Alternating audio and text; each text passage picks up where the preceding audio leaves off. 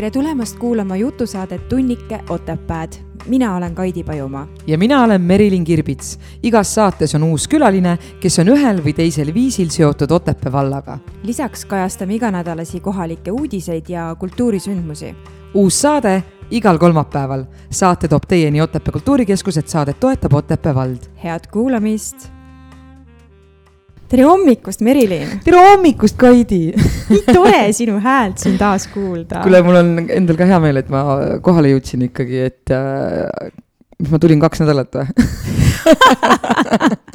enam-vähem selline tunne on küll. see on ikka ulme tegelikult, et. Äh, mis talv meil see aasta. ma arvan lihtsalt, et see mingisugune ärevushäirete äh, teema ei ole tänapäeval enam mingi, mingi uude, uudis nagu, et see vist igal teisel inimesel tegelikult, et mm. iga selline äh, hirmutav olukord äh, tekitab äh, paanikat ja ma reaalselt äh, olin juba teel, ma olin eelmine nädal juba teel, ma olin Kosel. Aga sinna jõudmine oli ikkagi väga, see oli piinarikas jaa, esiteks ma sõitsin liiga aeglaselt, aga tee oli nii kohutav mm. ja juba Tallinna linnas oli mitu liiklusõnnetust ja, ja ma tundsin, et kõik sõidavad must mööda ka veel, kuidas nad julgevad? Mm, -hmm. ja siis ma saan aru, et ma takistan liiklust reaalselt. Mm, -hmm. et äh, ja siis mul tekkis sihuke hirm ja ärevus ja siis ma pidasin, mõtlesin, et ei, ma olen alati tööd pidanud nagu kõige olulisemaks, aga ei tea, kas see vanus hakkab juba peale tulema, et hakkad nagu mõtlema, et äkki ma olen ka midagi väärt nagu. ma tean väga hästi seda tunnet, et, et kui äh, ma arvan, et selline nagu mõttemuutus toimus minus, ma arvan, võib-olla mingi aasta tagasi või isegi mitte nii palju. Et kui ma siiani mõtlesin kogu aeg sellele, et äh, kui mina teen kõik õigesti ja valin õige sõidukiiruse, et siis ei saa midagi juhtuda.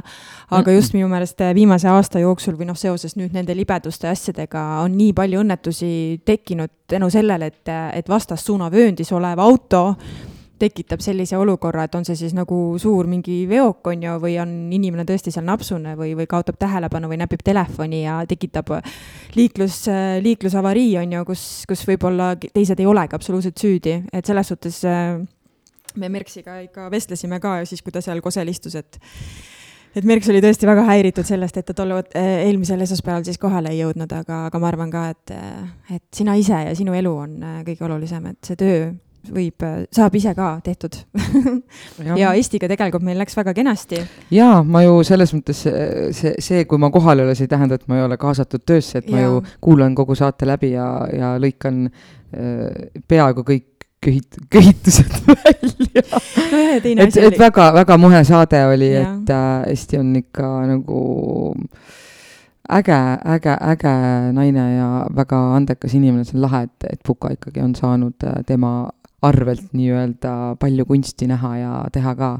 ja, ja üldse nagu, mis, mis Eestit nagu kui inimest puudutab, et et ta kuidagi on selline ka nagu inimesena või naisena niisugune hästi välja peetud, hästi niisugune daamilik või noh, niisugune noh, mõnus oli tema, tema juuresolekul. tal on nagu iseloomu vaata, see on tal oma, oma iseloomega. kuidas ta ennast ja... nagu väljendas ja ta oli niisugune ääretult, ääretult viisakas ja kuidagi selline, ma ütlen, et täiesti nagu äh, ma ei tea, teatrikorüfee, kui seda võib nagu öelda mm, -hmm. et et see tunnike rääkida sellest, kuidas ta neid lavastusi ette valmistas äh, just see aeg läks küll kiiresti, kui ja. ma kuulasin tegelikult. vahepeal täiesti unustasin ära, et ma mikrofoni taga olen, et nii, nii põnev, et noh, kuna iseennast ju ka teater nii paelub, et et siis selliste inimestega on alati nii tore, tore vestelda. ja noh, kui teatrimaailma peale jutt läks, siis äh, teatrimaailmas on ju viimastel päevadel äh, äh, kurb meeleolu, et äh, eks iga rõõmsa kõik ei saa rõõmus olla, et tuleb ka kurbi hetkeid, et äh, me siis äh, kaotasime Madise. et äh, mina isiklikult olen Madisele väga palju tänuvõlgu, sest et ma arvan, et kui Madist ei oleks olnud, siis mina ei oleks televisioonis praegu mm.. et tegelikult mm. Madis oli see, kes mind soovitas äh, Kelgukoerad, kus ma siis Toomas Kirsiga alustasin oma tööd, et mm. tema tegelikult soovitas, et Toomas otsis kedagi sinna et tänu talle on kõik need Kirsi produktsiooni seriaalid, kus ma olen läbi käinud, on kõik tänu Madisele olnud mm. -hmm. ja tõsiselt, see on nagu see, milline inimene ta oli, see, kui tark ta oli, kui palju ta teadis, aga samal ajal ta suutis laskuda nagu minu tasemele, et nagu see huumor, mis temast nagu välja tuli ja ta oli Mhm. nagu suurepärane lavapartner ja, ja ta oli nagu äge, hästi äge inimene ikkagi. Ja Et, kui ma vaatasin seda Facebooki äh, uudistevoogu ka, mis kõik oli mõned päevad nagu äh, seoses nagu Madisega, et kes teda mälestasid ja jagasid oma mälestusi või oma mõtteid ja tundeid seoses temaga, et äh, ta oli tõesti suur, suur inimene, kes puudutas väga palju südameid. jah, mina tihtipeale hakkan mõtlema, et kus need postitused enne seda olid, et äh, minu, minu süda ei lubanud midagi postitada, ma võin, ma ei tea, palju pilte Madisest postitada ja kirjutada mm, -hmm. ma lihtsalt ei suutnud seda teha, sest et ma tihti, ma ei tea, mul tekib sellel hetkel, et ma ei tea, kas see on ikka päris see koht, kui mõelda nende inimeste peale, kes on tema lähedased.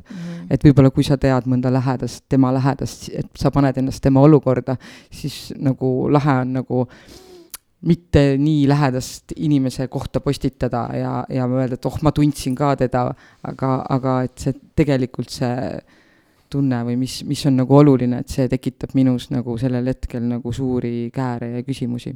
Ja see on vist mingi tänapäeva, tänapäeva komme kuidagi niisuguseid järelhüüdeid sellisel moel Jah. äh, vorpida. aga kui Jaa. oli Eestist juttu ja Pukast juttu, siis äh, meil on saates ka külaline, kes on ka meil Pukast just. ja Kaidi juhatab ta sisse ja siis mm -hmm. Mhm. me saame kohe temaga rääkima hakata. meie tänane külaline on Puka noortekeskuse noorsootöötaja. oma tööd on ta Pukas teinud aastast kaks tuhat kaheksateist. ta on ema viiele toredale lapsele ja vaba aega, mida küll tal praktiliselt pole, sisustab ta lugemisega. tere tulemast saatesse, Pille Priidik. tere teile ka. Nii, meil oli siin äh, sõidust juttu ja me sinuga ka rääkisime, aga sa võid ka kõigile meile jagada, et äh, kuidas siis äh,, kuidas siis see väike vahemaa Pukast Otepääle täna hommikul oli? selles mõttes oli ikkagi hea sõita, et äh, Sahk oli oma töö teinud, aa, aga teel oli langenud ikkagi palju selliseid äh, oksi ja, ja puid selle lumeraskuse tõttu, et selles mõttes tasub ikkagi jälgida, et äh, seda kiirust seal tee peal mm., mm et jälgida, et kui vastu tulev auto on, siis kokku ei põrka. -hmm. aga meil on väga hea meel, et sa siin oled ja võib-olla me alustame sellest, et äh, kas sina oledki Pukast täitsa pärit, oled sa seal kasvanud, üles kasvanud? ei ole. sa võid rääkida natukene, kus sa sündisid ja kus sa kasvasid, kus sa koolis käisid Äh, ma sündisin äh, tegelikult Kotepää lähedal Nõuni külas mm.? ja kasvasin seal, alustasin kooliteed Nõuni algkoolis, edasi liikusin Otepää gümnaasiumisse ja sellega ma lõpetasin ja siis äh, aastal kaks tuhat kolmteist viis mu tee siis Pukka. et sinna sai soetatud oma korter ja siis äh, lõpuks siis sinna siis kolitud. Mm -hmm. kas äh, peale gümnaasiumit sa läksid siis kaks tuhat, mis, mis aasta sa lõpetasid Otepää? kaks tuhat kaheksa, okei okay., kas sa jõudsid midagi äh, õppida ka peale gümnaasiumit, omandada kohe peale gümnaasiumit ma ei Mhm. teinud mitte midagi, ma leidsin, et äh, mul on vaja seda iseenda leidmise pausi Vau. Mhm. ja siis ma võtsingi tee hoopis pere loomise peale võib-olla mm. -hmm. et, et noh, ma ei teadnud, mida ma teha täpselt tahan või kes ma olen. aga seda ma teadsin, et äh, lapsed on minu see kirg ja sellest äh,, eks sellest kõik see alguse sai. alustasid enda laste alustasin tegemist enda laste tegemist. teiste lastega tegelema, vaata. aga see on, see on nii tore, et sa äh, noh, ma ei tea, kas sa, kas sa muidugi tol hetkel ka seda selliselt äh, mõtestada oskasid, et ma võtan aega selleks, et äh, leida iseennast ja mõelda, kes ma siis päriselt olen ja mida ma tahan. sest äh, noh, mina olen selle teekonna läbi käinud, on ju, Merks on selle teekonna läbi käinud. jaa, aga ma olen kolmkümmend viis on ju Ja,, no nüüd ma täpselt, räägin nagu, ma räägin viimastest aastatest on Jaa, ju ma, et tahtsin- gümnaasiumis nagu ma ei tea, head ma nukkudega ei mänginud gümnaasiumis veel, et äh, ma ka ei teadnud seda, et kes ma olen või mida ma tahan, et mul ei olnud, aga võib-olla mul ei olnud ka antud seda valikut nagu või seda, et kuidagi kõik läks kuidagi nii loomulikult, et mulle kuidagi suunati see tee nagu kätte, et ma ei jõudnud mõelda selle peale, et kes ma olen. et äh, need, need tulid alles hiljem nagu aastatega, et minu arust on see ka nagu nii äge, et äh, muidu hakatakse ju, ma ei tea, juba põhikoolis ju, et kes, kelleks sa tahad saada, mida sa tahad õppida, ma ei tea, kuidas sina mäletad koolis, kas oli seda küsimust ka? no seda küsimust tuli mulle ikka väga-väga palju, sest et ma olin selline võrdlemisi mässumeelne noor. et, et ega ma ei olnud selline muster ja lemmik õpetajate, õpetajatele, ma arvan. et äh, ega ma ei teadnud ja ega ka see õpe-, mingil, mingil hetkel ma tundsin, et õpetajad on võib-olla natuke ka alla andnud, et mis me ikka tast tahame. Et lõpetab kooli ära ja siis noh, Pole enam meie probleem. pole meie probleem enam-vähem jah, et aga jah, et seda ma tahtsingi öelda, et see on nii tore, et tavaliselt inimesed jõuavad sellesse punkti kuskil kolmekümnendates, et äh, mina tundsin, et äh, et minul selline eneseavastamise periood hakkaski võib-olla seal kolmkümmend, kolmkümmend üks, et enne seda sai päris äh, mitu korda ikkagi niisuguseid kannapöördeid tehtud. et kas sa tunned ka, et tänu sellele, et sa peale keskkooli lõppu võtsid nii-öelda selle aja endale või, või tegelesid siis nii-öelda kirega, et hakkasid oma pere looma, et kas tänu sellele on sul ülejäänud elu kuidagi nagu ühesuunalisemalt või rahulikumalt nagu kulgenud? Eks ma olen ennast otsinud ikkagi mm -hmm. järjepidevalt, aga ma ütlen, et viimased, ütleme, et sellist kümme aastat ma tean täpselt, kus ma peaks olema kümne aasta pärast. et nagu kogu aeg on mul selline siht silme ees, ma tean, kuhu ma tahan jõuda, kes ma olen kümne aasta pärast ja, ja noh, selles mõttes on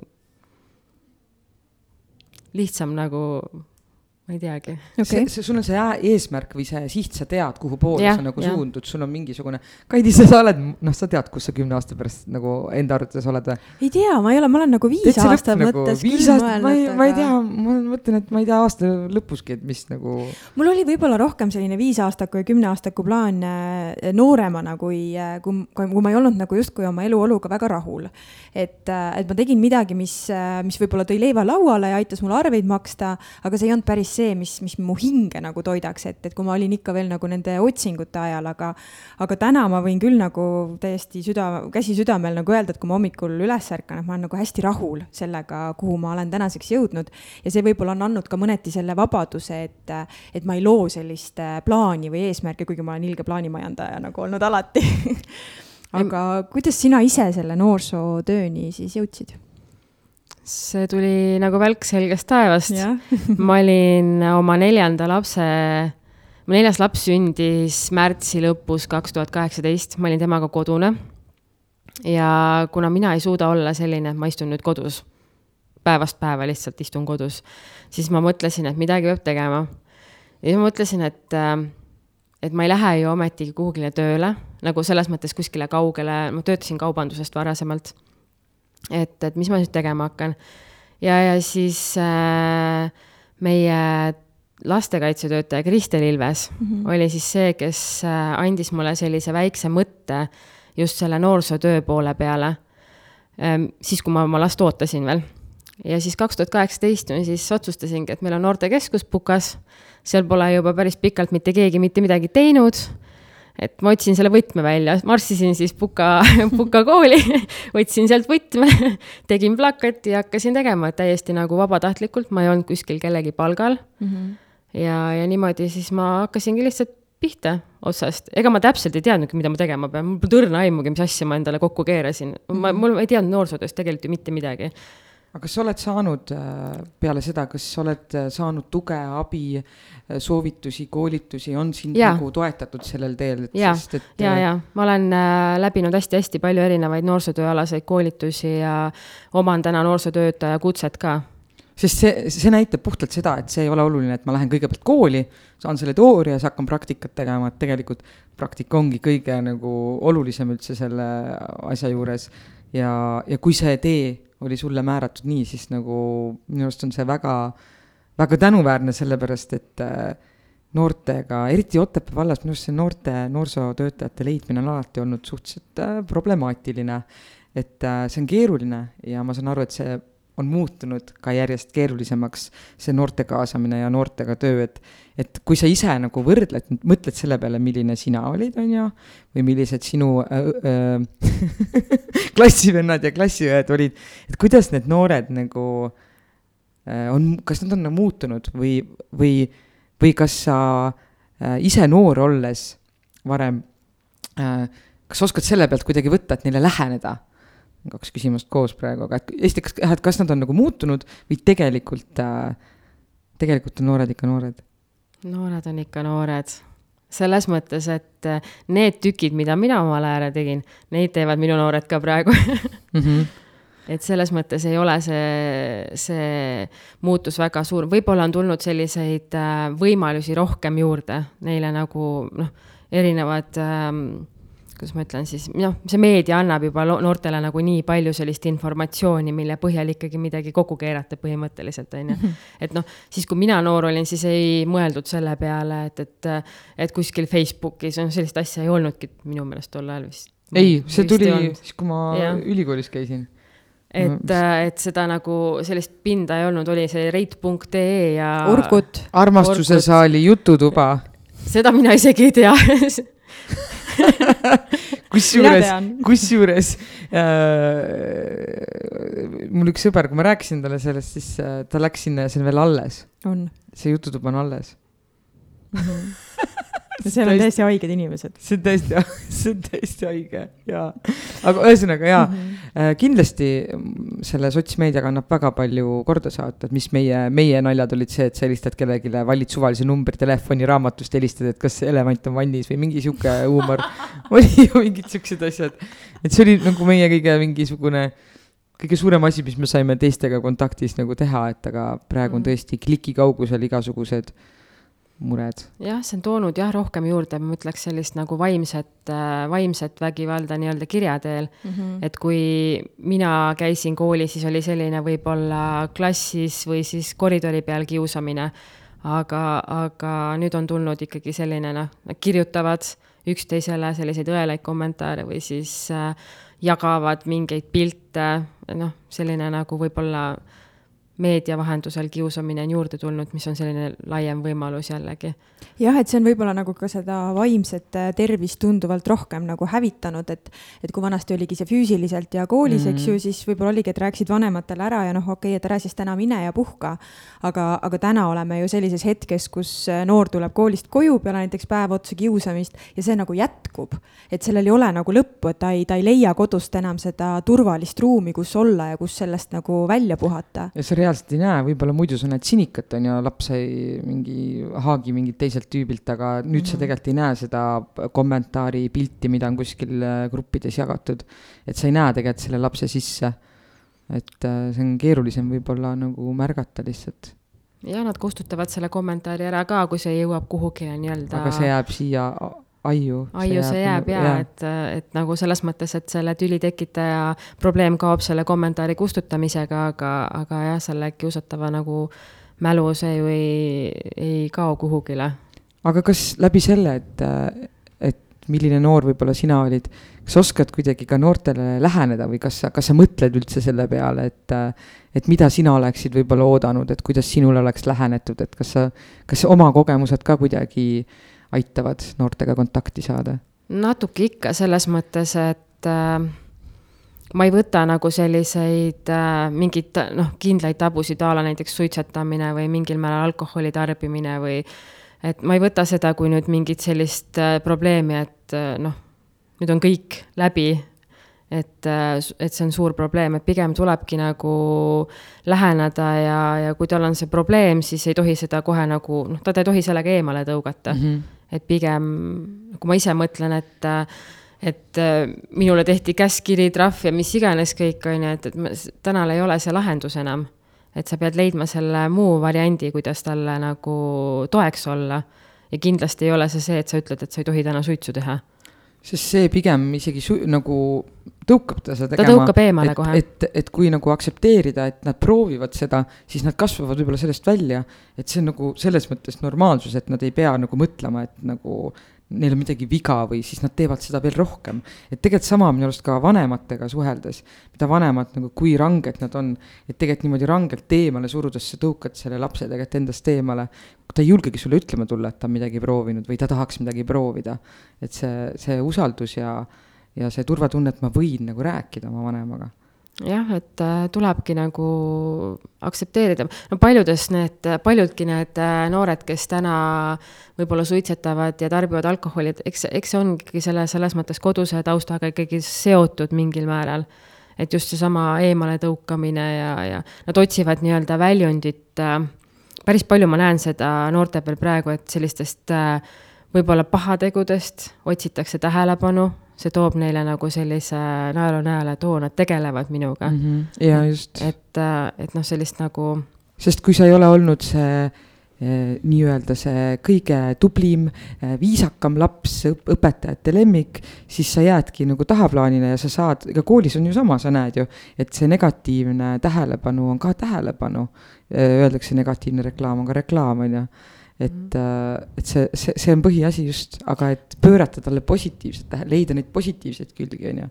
ma arvan, et igasugused sellised äh, väärteod või, või niisugused nagu võib-olla mõneti kelmused või, või halb käitumine noh, on ka sellest seltskonnast, eks ju, tingitud, kuhu nad nagu satuvad ja see on ju kõik tingitud sellest, et me vajame nagu kõik kuuluda kuhugi et kui nad perekonnas tunnevad, et nad ei kuulu justkui nagu sellesse leibkonda, siis, siis nad otsivadki nagu omasugused, eks ju, ja, ja kui on isegi kui ta võib-olla ise ei tahaks mingisuguseid nii-öelda pättusi teha, aga teised teevad ja ta ise ka teeb ja ta saab seeläbi nagu tunnustust ja too, et äh, lahe, et kuule, et, et sa oled nüüd üks meist, siis see on kindlasti väga-väga suur äh, jõud, mis nagu tõukab seda tegema, sest armastatud, tunnustatud ja, ja vajatud äh, vajame me kõik olla. et ma hiljuti vaatasin ühte saadet, kus väga ütleme nii, et äh, üsna tugevalt äh, pandi lastevanemate südametunnistusele see, et, et kui teil on peres probleem, et on see mingi rahaline probleem või on see tervisega seotud probleem, et ärge tõugake lapsi eemale et te mõtlete küll, et aa, et ma säästan neid, et ah, ma ei räägi, et mul on näiteks mingi terviserika või ma ei räägi, et isa kaotas töö ja nüüd meil on raha vähem, et noh, varjame seda. siis tegelikult on lapsed on nagu väga targad ja väga intuitiivsed. et, äh, et neil pigem nagu tunnevad, et neid ei usaldata, neid ei kaasata, nad ei ole selle perekonna osa et tegelikult me teeme palju suurema karuteene nagu sellega, kui me ei räägi. ja siis see tõukabki nad tegelikult ju seltskondadesse, kus nad teevad midagi, mida nad võib-olla ei teeks, kui, kui pere oleks need kaasanud, eks ju.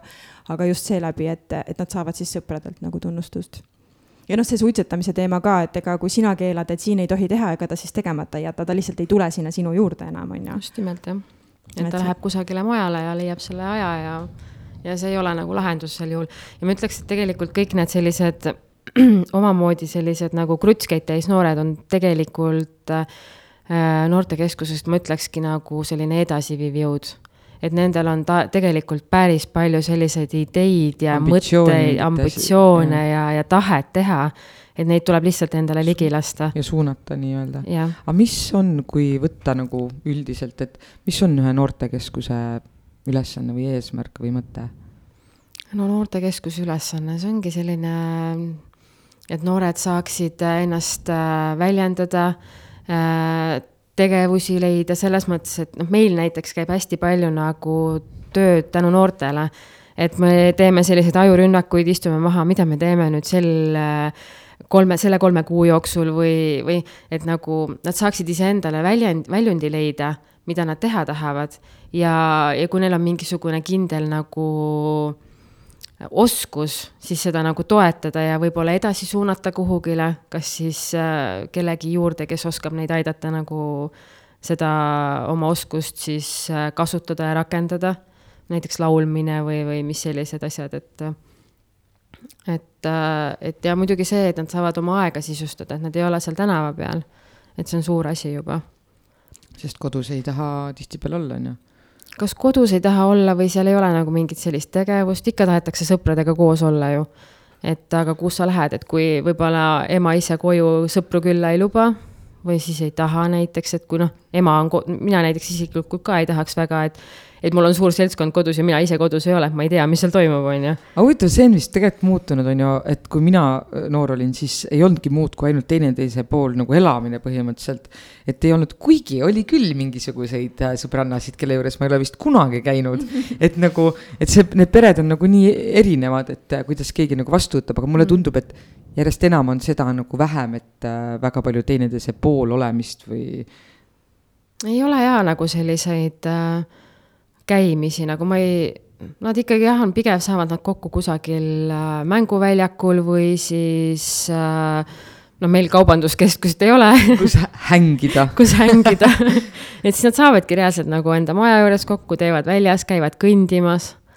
et noortekeskus on tegelikult äh, selline koht, kus noorel mõttel Äh, on jõud selles mõttes, et teda märgatakse, teda võetakse kuulda reaalselt ja, ja ta saab nagu, temaga, tema mõtteideega arvestatakse mm. -hmm, just nimelt, et äh, noor ongi see, kes selle noortekeskuse tegelikult ju käima lükkab mm. -hmm. et äh, mina tunnen ennast tihtipeale seal nagu viies Ainu... ratas vankri all jah, et ei, on olukordi olnud see, sel aastal juba päris palju, kui nad lihtsalt saadavad mind sealt noortekeskusest välja, ütlevad, nüüd on meie aeg, on ju, et meie teeme midagi iseseisvust, nad tahavad tegelikult olla iseseisvad ja, ja tegelikult on mul hästi palju selliseid tublisid, kes nagu oskavad ka hoida ja märg-, no märgata seda, et, et kui keegi midagi valesti teeb, et talle seda tähelepanu pöörata. Nad on palju usinamad reeglite kirjutajad kui võib-olla mina sinna nende ette lähen ja ütlen, et kuulge, et, et me nüüd ise peseme oma nõud või, või noh, see, ma võin seda rääkida, aga tegelikult, kui noor ise läheb sinna ette ja ütleb, et nüüd on selline olukord, siis see toimib palju paremini. ma saan aru tegelikult, et nagu Kaidi ka sa kunagi rääkisid, tegelikult äh, lapsed ja noored vajavad reegleid ikkagi mm, -hmm. et tekitada turvatunnet, et äh, kui neil puudub elus igasugune nagu süsteem, siis see tekitab nendes nagu kaost või? no mina, mina vähemalt enda, enda laste pealt võin küll nagu seda öelda ja, ja kui ma noortega ka tegelesin, et et laste puhul ma olen just nagu märganud seda, et kui ma hiljuti nagu rääkisin poistega, et noh, õhtune magama minek, et meil on nagu kaheksa hakkame sättima, üheksa on hiljemalt voodis siis mingil hetkel nagu mul just vanem poeg nagu ütles seda, et, et talle nagu hullult meeldib see osa, et, et ongi iga päev kell üheksa õhtul on nagu voodis, et ehkki nagu võib-olla üle õhtuti on seda kemplemist, et aa, üks multikas veel või ma tahan selle asja veel ära teha. aga kuidagi see tekitab neis nagu tunde, et nemad ei pea vastutama või vastutust võtma enda nagu heaolu eest et mis, mis on nagu nii veider, et seda ütles mulle seitsmeaastane, ma küsisin ka, et miks sulle see meeldib, et me iga õhtu kell üheksa voodis oleme. siis ta ütles selle peale, et, et siis ma tean, et ma ei ole hommikul väsinud ehk siis ta teab nagu seda nippi, et kui ta läheb hiljem magama, on ta hommikul väsinud ja tal on raskem koolis olla, aga samas ta ei taha ise nagu justkui seda vastutust nagu äh, võtta, eks ju, või noh, ei peakski seitsmeaastane võtta, ma ei tea, Merš, miks sa naerad, sellepärast et ma naeran sa... seda lihtsalt, et üks seitsmeaastane räägib seda juttu ja kui ma vaatan oma nutisõrmust ja kui see ütleb mulle, mis kell ma magama lähen iga päev ja kui vähe ma magan, siis ma mõtlen, et kus on minu nagu areng nagu. ma ei tea, sa peaks äkki paariks nädalaks minu juurde elama tulema, siis sa lähed ka üheksa magama üheksa alles hakkab tihtipeale mu töö. no mina nagu. lähen, mina lähen täpselt samamoodi, mina lähen lastega koos kell üheksa magama, ärkan hommikul kell kuus üles. ma näen jaa Messengeris sinu, et aktiivne viis tundi tagasi, kui ma öösel arvutis töötan no võib-olla mõni õht, aga üldiselt ma ikkagi lähen suht vara. no vähemalt nendel nädalatel, kui poisid minuga on kui neid ei ole, siis, siis küll jah.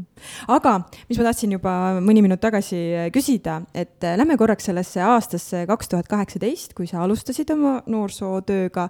et millised olid nende esimeste kuude jooksul võib-olla sellised esimesed raskused, millega sa pidid tegelema või kas sa mäletad seda tunnet või emotsiooni, et kas oli seda ka, et oh my god, kuhu ma sattunud olen Neid oli nii palju see oli mu esimene mõte, et kuhu ma kõik panen nad, et nagu need ruumid olid ikkagi nende noorte jaoks väikesed. mul esimese hooga ikka ründas neid äh, seal kolmkümmend pluss. suviti käidi ju veel ka väljas, väljaspoolt, äh, kes tulid nagu pukka, kas siis vanavanemate juurde. suvitama ja külla ja on ju. juurde mm -hmm. veel, et see oli selline möll ja siis ma alati mõtlesin, et appikene, mida ma teen nendega, et nagu reaalselt ka, et nad kõik tahavad minust midagi saada, aga mida ma neile annan. et siis, siis ma veel ei teadnud, et tegelikult ma peaksin natuke nagu kuulama neid ja võtma neilt nagu neid äh, ideid ja laskma neil tegutseda, et pigem ma tahtsin nagu nendele kogu aeg olemas olla, neile midagi anda ja teha, aga, aga siis see tekitas sellise, et appikene, mis asja ma teen et aga, aga siis ma nagu hakkasin äh, lugema. Äh, noortekeskuses oli, oli nagu vanast ajast jäänud erinevad noorsootöö õpikud ja sellised asjad, siis ma hakkasin neid lugema. mõtlesin, et, äh, et okei okay,, et vaatame, mis asi see noorsootöö siis, noorsootöö siis tegelikult on ja, ja, ja siis ma hakkasin vaikselt nagu mõtestama oma tegevust. ja siis juba kaks tuhat üheksateist äh, ma saingi siis töölepingu, ametliku töölepingu. Äh, olin poole kohaga noorsootöötaja ja siis ma hakkasingi vaikselt sealt otsima nagu võimalusi iseennast koolitada. Äh, ja siis noh, et mida kõike ma siis nagu teha võiksin ikkagi, et kus, kus on mingisugused erinevad võimalused, kuhu neid saata, laagrid. noh, nii, nii vaikselt nagu, aga esimene mõte oli küll, et appi, mis ma teen mis ma teen nende kõigiga aga ma saan aru, et võti ongi selles tegelikult, et mitte see, et mina pean vastu, mina nagu pean vastutama ja nad ootavad minult, vaid et reaalselt ongi see, et lihtsalt nagu ole neile nagu see tugi. tugi, aga tegelikult nad ise ju teavad täpselt, mida nad tahavad, et ja. selles mõttes on nagu lihtsam see asi tegelikult, kui on. me nagu ette kujutame ja kardame, on ju jaa, selles mõttes jaa, mina võin julgelt öelda, et väga-väga-väga palju minu tööd teeb ära üks, üks noor noortekeskuses tema ise ju mõtleb oma mõtted või noh, nad lepivad kokku mingid üritused. meil on meil näiteks tulemas järgmisest kuust juba tantsutrennid, mida tüdrukud ise läbi viivad, on ju. Vau, see on äge. et nad ise mõtlevad kavasid praegu, teevad plakateid, et noh, mida mina teen, olengi see tugi ja, ja annan neile vahendid, et nad saaksid seda teha sa lood nendele võimaluse ja ruumi, kus, kus oma, oma mõtteid ja visioone ellu tuua. et ma, ma saan nii hästi aru sinust, sellepärast et eh, kui Elva huvikeskuse juhataja minu poole pöördus kaks tuhat kaheksateist kevad, mil ma hakkasin teatriga tegelema, et kuule, et ole hea, et äkki sa sügisest hakkad siin eh, näiteringi läbi viima ja siis ma olen, mis asja, ma olen heal juhul, ma ei tea, kaks-kolm kuud teatriga tegelenud, mis, mis näitering, mida mina oskan õpetada, ma ei oska nagu midagi õpetada, et tolleks hetkeks olin võib-olla kahes või kolmes lavastuses osalenud, on ju, kaks-kolm prooviperioodi läbi teinud, et noh, ma ei oska midagi ja kusjuures ma mäletan nagu just esimestel kuudel mul oli nagu hästi raske kuidagi nagu sellesse sisse minna, sellepärast et ma mõtlesin, et nii, mul on äh, kümme last saalis, mina olen nüüd seal lava peal ja mina pean justkui olema see autoriteet, eks ju, kes astub saali, ütleb, käseb, poob ja laseb, on ju, et mina nüüd täpselt tean, mismoodi nüüd seda näiteringi teha ja et, et, et ja kuna see oli nagu tasustatud tund, on ju, siis ilmselgelt pidid noored nagu sealt ka midagi vajalikku saama. ja siis ma hakkasin hästi palju nagu ise läbi võtma igasuguseid näitleja ja lavastajate raamatuid ja nii edasi, et, et vähegi tunda nagu ennast enesekindlamalt seal. sest noh, mul ei ole ju näitleja haridust, eks ju aga mingil hetkel ma nagu hammustasin selle läbi, et, et kui ma hakkasin uurima, mida noored nagu tegelikult tahavad, et miks nad tulevad sinna ringi. et kui ma nagu justkui nii-öelda tulin nagu sealt kõrgemalt ära nagu nendega ühele tasemele, siis ma mõistsin nagu seda, et nad tulevad tegelikult sinna lihtsalt selleks, et aega veeta, et mängida mingeid ägedaid mänge, et naerda ja et, et saada võib-olla ka nagu mingi lavastusega nagu valmis et see kuidagi, mina iseenda elus olen nagu nii palju kogenud seda, et äh, sa ei, sa ei pea olema nagu suurem või vägevam, kui sa oled, et piisab sellest, kui sa oled, kes sa oled just nimelt, et. Äh, muidugi seal on ka selline õhkõrn piir, et noh, sa pead suutma langeda sinna nii-öelda võib-olla et nagu ei ole väga semutsemine. ja, et ei ole väga semutse ja samamoodi on see, mina enda puhul nagu kogu aeg kompan seda piiri, et ma ei ole nende vanem, lapsevanem, et mm -hmm. seda vanema piiri peab ka nagu alati kompama, et, et mm -hmm. sellest nagu üle ei lähe jah, kus see, kusjuures see on väga hea nagu äh, märksõna, et mingil hetkel ma tajusin küll, et nad hakkasid võtma mind kui oma sõpra, on ju. kuigi mina olin seal kolmkümmend millegagi ja nemad olid seal, ma ei tea, kaksteist, kolmteist, neliteist, eks ju. et siis noh, õue, Kaidi ja kuidagi nagu see teema tuli, aga noh, mingil hetkel lihtsalt korraks nagu kehtestasid ennast, siis nad nagu said jälle aru, et nagu, et noh, see ei ole nagu noortekeskuse koht, noh, see ei ole nagu noortekas praegu, et me siin äh, teeme midagi niisugust mina ise oma mingite huviringide läbiviimisel olen tajunud seda, et tegelikult neil on lihtsalt vaja kohta, kus teineteisega suhelda. et äh, lihtsalt olla reaalselt füüsiliselt teisega ühes ruumis, sest ma saan aru, et koolis tegelikult reaalselt sa oled tunnis, aga sul ei ole tegelikult seda koosolemise aega või kohta. ja kui sul on veel samas äh, kohas nagu ühine huvi, on see siis mingi huviring, et siis see on nagu veel, veel nagu väärtus selle juures. aga just see, et olla nagu teistega reaalselt füüsiliselt äh, koos, mitte trükkida ainult sõnumeid. ja just nimelt, et see koos olemine on nende jaoks hästi-hästi vajalik. et selline sõbrad ja, ja selline suhtlusoskus, eneseväljendus, sotsiaalsed oskused. et nagu selline, ei ole ainult jah, tõesti seal nutiseadmes ja ei klõpsi. et üldiselt neil saab ikkagi sellest klõpsimisest viljand, et nad mingi aja kindlasti teevad seda et just siin Covidi ajal ma olen nagu, siis kui meil olid sellised distants mm, -hmm. distantsiajad ja, ja kui meil oli, me lõime erinevad platvormid neile suhtlemise jaoks, tegime nii-öelda kaugtööna seda siis kõike siis esimesed äh, kuud oli selline põnev, nad avastasid seda kõike. see on noortekeskuse töö oli kaug äh.... ja me, me lõime endale, mina lõin Puka noortekeskusele Discordi platvormi, meil oli Messengeris oma selline kolmekümne noorega. mis te tegite seal? Äh, Discordis me tõesti leidsime erinevaid võimalusi, seal oli erinevaid mänge võimalik luua, noh, osavana, osavamad noored seda tegid, mina lihtsalt lasin neil tegutseda ja siis nad mängisid omavahel seal neid mänge. siis hästi palju sain endale teha erinevaid koduseid ülesandeid mm.. kas ma panin neid välja kõndima, mingid sammuvõistlused, joonistusvõistlused, ristsõna lahendamised. aga nad tõesti tulevad kaasa? ja tulevad, selles mõttes, et meil oli nüüd viimane tervisenädal ja mul osales seal kolmkümmend neli noort, Vau, et samme kokku tuli vähe, aga kõik ikkagi osalesid, et mm. -hmm. kasvõi siis viis tuhat sammu päevas, et, et kõik vähegi saatsid nagu neid samme, et kolmkümmend neli osalejat oli terve nagu viie päeva jooksul. vau, sest mõelda, et koolis on ka kõik see distantsõpe, et, et kuidas neil nagu, kuidas nad jaksavad, kuidas neil villand ei saa, et aga kuidas nad võtavad vastu noortekeskuse kodused tööd, et ma mõtlen, okei okay,, võib-olla Pukas ei ole seda probleemi, lihtsalt suuremates linnades on olnud probleemi, kus vanemad ütlevad, et kas peab andma koduseid töid üldse või nagu, et, et kuidas vanemad võtavad seda, noortekeskus on tegelikult nagu peale kooli selline lisa nagu asi, et kuidas vanemad suhtuvad sellesse? no minul on täna ainult positiivne, pigem mm. -hmm. ongi see, et kui ma juhtun olema haige või kusagil ära, siis alati küsitakse, et kuna sa tagasi oled mm. -hmm. et, et noh, sellist nagu ma ei tea, nad võtavad ikkagi hästi vastu ja tegelikult neile meeldib. mul on üks lapsevanem, kes agaralt kogu aeg küsib, et kuna sa jälle järgmise sammuvõistluse teed, ma saadaks nad hea meelega kõndima välja. aga kas vanemate poolt on äh, reaalselt mingit toetust ka, kas nad kuidagi toetavad, tulevad appi midagi tegema või mõtetega või kas nad nagu mõtetega tullakse väga palju appi. meil on sellised usinamad, kes toovad meile näiteks toiduaineid, et wow. Me saaksime teha näiteks kokandusringi või siis lihtsalt süüa.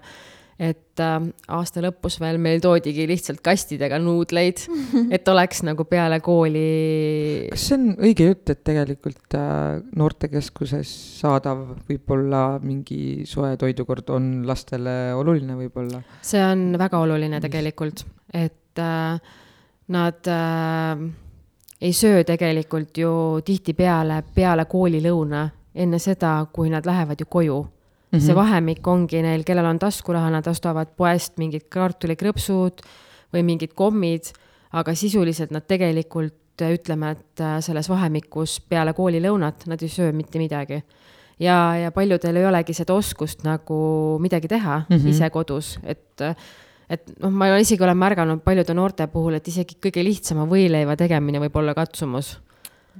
et, et selline nagu noh, ta ei oska või ta ei oska nagu ennast, ta ei usalda ennast selle juures. aga kas ta teab, mis talle meeldib või?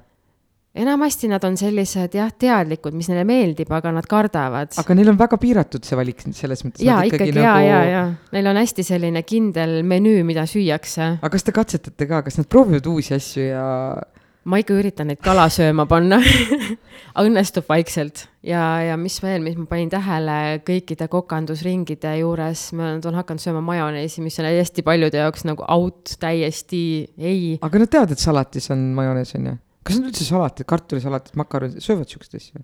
vähe söövad, salateid söövad vähem. mida nad söövad siis üldse? pege-, friikartuleid ei ja pelmeene. meil on noortekeskuses tegelikult selline, et meile meeldib väga katsetada. Me oleme teinud äh,, ma ei tea, pastaroogasid, riisiroogasid äh,, vorme, mida kõike nagu noh, kapis on makaronid, hakkliha mm. -hmm. mingisugused konserv, konservid, mida meile on toodud, on ju, siis ähm, see kõik kokku segada, nad söövad seda väga hea meelega, ise teevad valmis enda jaoks ja mõtlevad, et neil peab olema see nagu keegi kõrval kogu aeg, et sa ei tee midagi valesti, sa ei, see ko- koht ei lähe põlema. Mhm. et aga, aga nad tahavad jah mm,, makaronid on tõesti hitt, igasugused makaronitoidud on nagu täielik hitt. mul on see tunne, on et vist see on kõikide aegumatu, see on vist aegumatu ka see toode nagu. see oli minu hitt ka, kui mina kes mõtles makaronid välja nagu see on geniaalne nagu tõesti, aga mul on ka hästi palju selliseid äh, noori, kelle jaoks see kartul ja kaste on A ja O. kui kartulit ei ole, siis süüa ei ole. nagu reaalselt. aga mõtle, see tuleb ikkagi kodusest Mhm, kasvatusest ja mida nad on harjunud, sa näed ju tegelikult Jah. nende toitumisharjumusi väga hästi sealt. Aga kõik jah, sellised pirukad ja, ja saiakesed ja kõike nagu küpsetatakse ära, et, et noh. ma ei, no tegelikult see pilt on lai, mida nad söövad. lihtsalt, et on mingisugused eelarvamused, kas see on siis kodust kaasa tulnud, näiteks ema ei söö pelmeene. ma ei tea, kas see, noh, see oli näide lihtsalt või, või tõesti see kala, et nagu peres ei süüa väga kala, siis see laps kardab seda kala, aga tegelikult, kui aga see talle tuleb vist sellest, et see kala ei ole tegelikult kättesaadav, kui palju te pukas saate värsket kala osta? äh,, ma ei teagi, kas saab või? no just, et tegelikult see on juba sellest, et kala on minu arust kallis, ta on Jah. kättesaamatu. Et äh, ma mõtlen ise, et kui tihti ma nagu kala söön, no mina olen suur heeringa ja kilu ja sihuke, tegelikult tean, mulle meeldivad need ka, kas kõht tühjaks aga just seda värsket kala, et tegelikult see ei ole nagu nii, nii kättesaadav ja see on ka kulukas. jah, see ei ole kättesaadav, et aga noh, samas ütleme, et ka suures äh, linnas on see kala selline tabu. ma nii palju, kui mina neid noori erinevates kohtades näinud olen, siis alati, kui sa mainid kala, siis tulevad sealt krimpsusnäod ja hais ja mis kõik imelikud äh, väljendid selle kala kohta aga kui teda jah, nagu neile ette nagu anda, et nüüd sa pead sellest midagi head äh, valmis küpsetama või et ma õpetan sulle, et me teeme nüüd sellist asja, siis tegelikult nad söövad seda. ja nad mm -hmm. tõdevad, et vau, et see kõlbab süüa isegi. aga mis vanuses äh, noored sul sellised igapäevased on?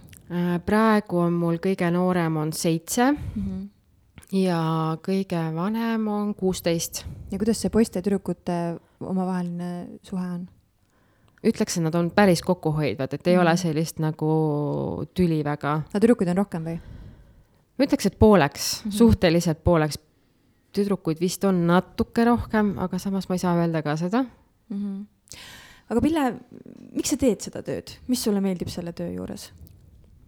ma ei tea, mulle meeldib nende silma särama panna mulle meeldib, et nad äh, lähevad oma ideedega ikkagi natuke pööraseks ja nad äh, lähevad sellest äh, raamist nii-öelda välja ja nad tahavad midagi arendada ja teha ja mul on nagu siiras rõõm, et ma nagu näen seda arengut ja võib-olla tuleviku mõttes ka, et, et kuhu nad jõuavad selle kõigega mm. -hmm. et mis see nagu noh, omamoodi kotike, mis nendele kaasa tuleb, et kuhu see neid viib mm. -hmm. ja mis see nagu noh, toob elus neile. sa oled nüüd äh, varsti, ma saan aru, et äh, selle aasta jooksul saab sul neli aastat täis et mis on selle töö see varjukülg, mis, mis on kõige raskem sinu jaoks? kõige raskem on see, et äh, teinekord tood sa need äh, tööasjad koju endaga kaasa mm. -hmm. ikkagi lähed sealt noortekeskusest ära, aga siis äh, nii mõnigi probleem keerleb peas veel öid mm -hmm. ja, ja päevi ja siis võib-olla nagu see probleemi koht ongi see, et äh, tahad natuke võib-olla liiga palju neid aidata, et nagu äh, tahaks, et nad saaksid nagu sellise hea sooja kodu ja, ja et kõik oleks hästi ja siis nagu võib-olla panustad liiga palju endasse mm, -hmm. endast seda nagu energiat ära see on täitsa huvitav, et sa seda nagu ütled, sellepärast et äh, kuskil nädal aega tagasi ma istusin nelja noorega maas äh,, vanuses kuskil kolmteist kuni üheksateist ja arutlesime siis, et millised on tänapäeva noorte probleemid ja millised olid näiteks sada aastat tagasi noorte probleemid, et kui palju nemad nagu üldse on kursis sellega, et mis toona olid probleemid. ja veider on see, et nad tõid nagu, et tänapäeva probleemide hulgas on see, et lapsevanemad tahavad liiga palju laste eest ära teha, mis puudutab näiteks igasuguseid koduseid ülesandeid, noh, majapidamisülesandeid või siis ka kodust tööd. ja kui me nagu läksime selle teemaga nagu edasi, siis me jõudsime nagu sellesse punkti, et kuna vanemad ootavad oma lastelt liiga palju, siis nad ei anna neile nagu võimalust isegi nagu proovida ja eksida ja seeläbi nagu areneda ja kasvada et justkui kuidagi nagu kas siis vanemate omavaheline võistlemine, et vot minu laps on nüüd priimus ja minu laps nüüd õpib kõige paremini. ja siis ka sellised laused, mis nad ise nagu välja tõid, et ah, et ema ütles, et ah, ma teen ise selle matemaatika ülesande ära, et, et siis sa saad rohkem oma asjadega nagu tegeleda. ehk siis isegi õppimise poole pealt vanemad tulevad nagu sekkuvad nii palju lapse ellu ja siis lükkavad nagu lapse sinna nutika taha, eks ju, et noh, suva, et noh, ma ei tea, loe siit noh, üle rea nagu see tükike läbi ja ma umbes jutustan sulle kokku nagu, mis siin loos nagu oli et äh, kui palju sina sellist äh, olukorda nagu äh, näed, et kas, kas see on reaalselt ka teie noortekeskuses kuidagi esile tulnud? no nõusid oskavad neist väga vähesed pesta, päriselt mm -hmm. nagu sellist oskust, et äh, et nõudepesuvahend käib šammi peale ja sa selle nõuga puhtaks saad, on vähe. ja noh, distantsajal ma nägin hästi palju seda tõesti sedasama, et vanemad teevadki oma laste koduseid töid see on nagu täitsa huvitav jah, sellepärast et kui mina ütlesin, et minul nagu nelja-aastane peseb nõud ära ja seitsmeaastane võtab tolmu nagu või noh, kui ma ütlen reede õhtul, et nüüd hakkame koristama, mina teen näiteks eh, kapid korda, siis suurem võtab mul tolmuimeja, väiksem hakkab nõusid pesema. et see oli sellele seitsmeteist ja üheksateist aastasele täiesti nagu et oot-oot, noh, et mis asja, et ma, ma isegi umbes ei mäleta, millal ma noh, viimati nagu kodus seda tegin ja mitte seda, et nad ei tahaks, vaid justkui ei anta nagu seda võimalust ei anta võib-olla võimalust ja teine, mida mina nagu märganud olen see, et, et aga kas see polegi sinu töö, et sa koristad või mm? -hmm. et nagu noh, selline tunne, et noh, et kui sa nagu noortekeskusse kinni paned, siis tund aega veel pead koristama ka, et kui nad äh, tekitavad mingi meisterdamise järel sellise suure kaose, siis nad leiavad, et, äh, et nemad ei pea seda koristama. Mm, ma tõusen nüüd püsti ja lähen. jah, nad lähen ära sealt, et see ei ole nagu nende ülesanne mm. -hmm. et hästi palju on seda, seda lauset on noortekeskusest käi läbi, et aga milleks sina siis siin oled, on ju. Mhm. aga, aga lõpp kui ikkagi nagu suund kätte anda ja, ja reegel on paigas, et äh, igaüks teeb enda järelt korda, siis nad teevad ka tegelikult ja see oskus on neil olemas, lihtsalt nagu suunata tuleb sinna oskuse peale. Aga mis sa arvad, miks see niimoodi selles suunas liigub, sest kui mina mõtlen enda lapsepõlvele, siis meil oli kass, kassiliiva eest vastutasin mina, iga reede oli kindel kord nagu, mida tuli koristada, kuidas koristada, kui sa tõued, tõused köögilaua tagant, siis sa viid ise oma nõukraanikaussi ja loputad ära. et tänapäeval nagu seda kas seda justkui nagu ei ole või seda ei nõuta, miks see nii on? no ma ei tea, ma mõtlen nüüd nagu enda mm -hmm. lapsevanemlikust seisukohast, et äh, minul on näiteks äh,, kui ma panen lapsi mingeid koduseid töid tegema, siis see teinekord see nende see ajakulu, mida nad kulutavad selle peale, see juba kompab piire mm. -hmm. teine samamoodi on see, et kuidas nad koristavad mm. -hmm. meie nägemused tegelikult puhtusest on hästi erinevad mm. -hmm. et, äh, et noh, langeda sinna lapse tasemele võib-olla ise ja tänapäeva vanematel ei ole nii palju aega, et mm -hmm. oodata, kuni ta teeb oma kodused tööd, sest ma pean ju tema kõrval olema, et teda aidata, ma teen pigem enne ära ise ära. sama, ma arvan, koduste mingite asjadega, et lihtsalt vanematel, neil ei ole seda aega või siis kellel on aega, neil ei ole seda viitsimist või nad lihtsalt ei ma ei tea, neil on nagu, nad jõuaks selle ajaga võib-olla midagi muud teha. jah, sest ma tihti võtan ise tolmuimega nagu pärast nende tegemist ka nagu üle, sest noh, ikka mingid nurgad jäävad tegemata. aga ma kuidagi nagu tunnen, et see on nagu väärtuskasvatus, et see ei ole see, et mina käin tööl ja pesen pesu ja nõusid ja teen süüa ja muudkui mässan ja möllan, on ju, ja sina lihtsalt istud seal diivani peal oma nutikas, on ju mm. -hmm. ei, meil on ka selles mõttes kodus ikkagi üritan hoida seda joont, et nad teevad ise teinekord on küll niimoodi, et ah, mul on lihtsam see kõik ära teha nagu mm -hmm. vahet pole, ma teen ära, onju. aga üldiselt ikkagi, et nad peavad ise tegema, aga kindlasti ongi seesama jah, aeg, mis mängib rolli, et ja see suunamine ja kuidagi nagu ma ei tea, tänapäeva lapsevanem võib-olla on natukene selline jah, liiga töösse süvenenud ja kõik nagu muud toimetused tunduvad võib-olla tähtsamad kui see, see laps kodus et lihtne on talle anda see taskuraha, see nutiseade, et talle kõik need soovid täita aga, aga teda suunata ja õpetada ja. või reaalselt temaga aega veeta ja aega reaalselt veeta. temaga teha midagi, kasvõi mängida, mida iganes või teha seda kõndimist või, et, et seda, seda jääb järjest vähemaks, mul on ka tunne. et see nagu on selline kaduv nähtus, et äh, pigem nagu loodetakse nendest nutiseadmetest ja sellistest asjadest nagu sellist imet, et, et see kasvatab see on tegelikult petukas ju, sa paned ta teleka ette juba väiksest, vaata juba, ma näen juba väiksed pannakse, et kui ma, muidugi ma, ja ma mõistan seda, mul lapsi pole, aga ma mõistan seda ema, ta paneb selle lapse sinna teleka ette selleks mõneks minutiks, et ta saaks rahulikult vähemalt need nõud ära pesta. sest kui nad kõik korraga tulevad, sa lihtsalt ei jõua kõigega tegeleda. et ta on nagu sihuke hea abivahend minu arust, et, et ta, see laps korra on kuskil nagu ühes paigas, et ta lihtsalt ei vibele ling, ringi. sa nagu, nagu lülitad ta enda elust välja tegelikult selleks. sa saad ära teha ja. need võib-olla, mis on ka laste jaoks olulised asjad, et sellest ma saan aru, aga aga noh, seal on jällegi need, see on see piiride, piiride küsimus nagu. jah, seal on nii õhk-õrn piir, kus, kus sa tegelikult jätad oma lapse nagu võib-olla üksinda. just et see on äh, see ajaline nagu piir, et, et kui ongi mingid reeglid, see aeg on ju, või mis iganes, mingi päevas mingi aeg, aga kui see, kui nad on vabalt hommikust õhtuni, mõtlen, et mis, mis toimub selle lapse ajus nagu, et kui tema, tal pole reaalset suhtlust nagu vanematega või ma ei tea, sõpradega, vaid et ta on ainult mingisuguses kuskil keskkonnas, et mis, mis see teeb nagu ühe lapse arenguga? jaa, ega ta head selles mõttes ei tee ja teine asi, mida mina näen, on hästi palju ka käitumise muutusi, agressiivsus, mis on, tuleb nagu paljudel nendel, kes äh, tõmmatakse ära sealt arvuti tagant. ma näen seda noortekeskuses ka mõne noore puhul, et kui sa ütled talle, et nüüd on kellegi teise kord, siis ta kohe nagu ärritub, et mis mõttes ma just tulin nagu, kuigi ta oli nagu poolteist tundi istunud, on ju et, äh, et see agressiivsus, mis nende sees on, mis pärast seda nutiseadet ja arvutit nagu kaasneb, on päris selline hirmutav et.... sest see on turvatunne, kui nad seal on ja neil ununevad muud asjad ära arvatavasti, kui nad seda mängu või midagi mängivad. või ja lähevad siis, sa... siis sisse liiga sinna mängu. just, ja sa tood ta sealt välja reaalsesse ellu ja siis tal on pumm, probleemid, mured äh,, päriselt midagi tegema nagu. pean kellegiga suhtlema või reaalselt nagu mingit pühkima põrandat või midagi. et see on mugavus kindlasti ka jah. aga samas jah, et tuleb nagu märgata seda, seda piiri ja, ja tegelikult lapsevanematele ka nagu südamele panna, et hästi palju tulebki nagu märgata. et kõigis, mina nagu oma töö jooksul olen näinud, et tegelikult kõigis nendes äh, valesti käitumistes on põhjus igal, igal äh, arenguprobleemil on jällegi põhjus, seal taga on alati midagi ja see tuleb lihtsalt üles leida ja märgata, aga selleks pead sa oma lapse jaoks nagu aega võtma, temaga koos olema, süvenema temasse ja leidma selle side temaga. et äh, jah, nendel asjadel on alati nagu mingi põhjus, et äh, ma ütlen, seesama suitsetamine, sellel on oma põhjus, miks ta seda teeb et see tänaval võõraste majade akende lõhkumine, sellel on põhjus, et see ei ole lihtsalt sellepärast, et ta on halb laps. halbu lapsi ei ole olemas. et tegelikult on lihtsalt äh, tähelepanu vajavad lapsed. jah, et ja siis ei ole see, et tuled koju, ütled, noh, kuidas läks, nii, räägi mulle nüüd, kuidas sul läks, usalda mind ja kõik on hästi, on ju, räägi mm, -hmm. räägi, tegelikult ei ole ju see. ei ole jah. et see, see avanemine, et ta reaalselt nagu, sest ega tema ei analüüsi ju nii, ta teeb ju tunde pealt ja kui tal nagu, tal peab tekkima see nagu tunne, et ta saab nagu rääkida.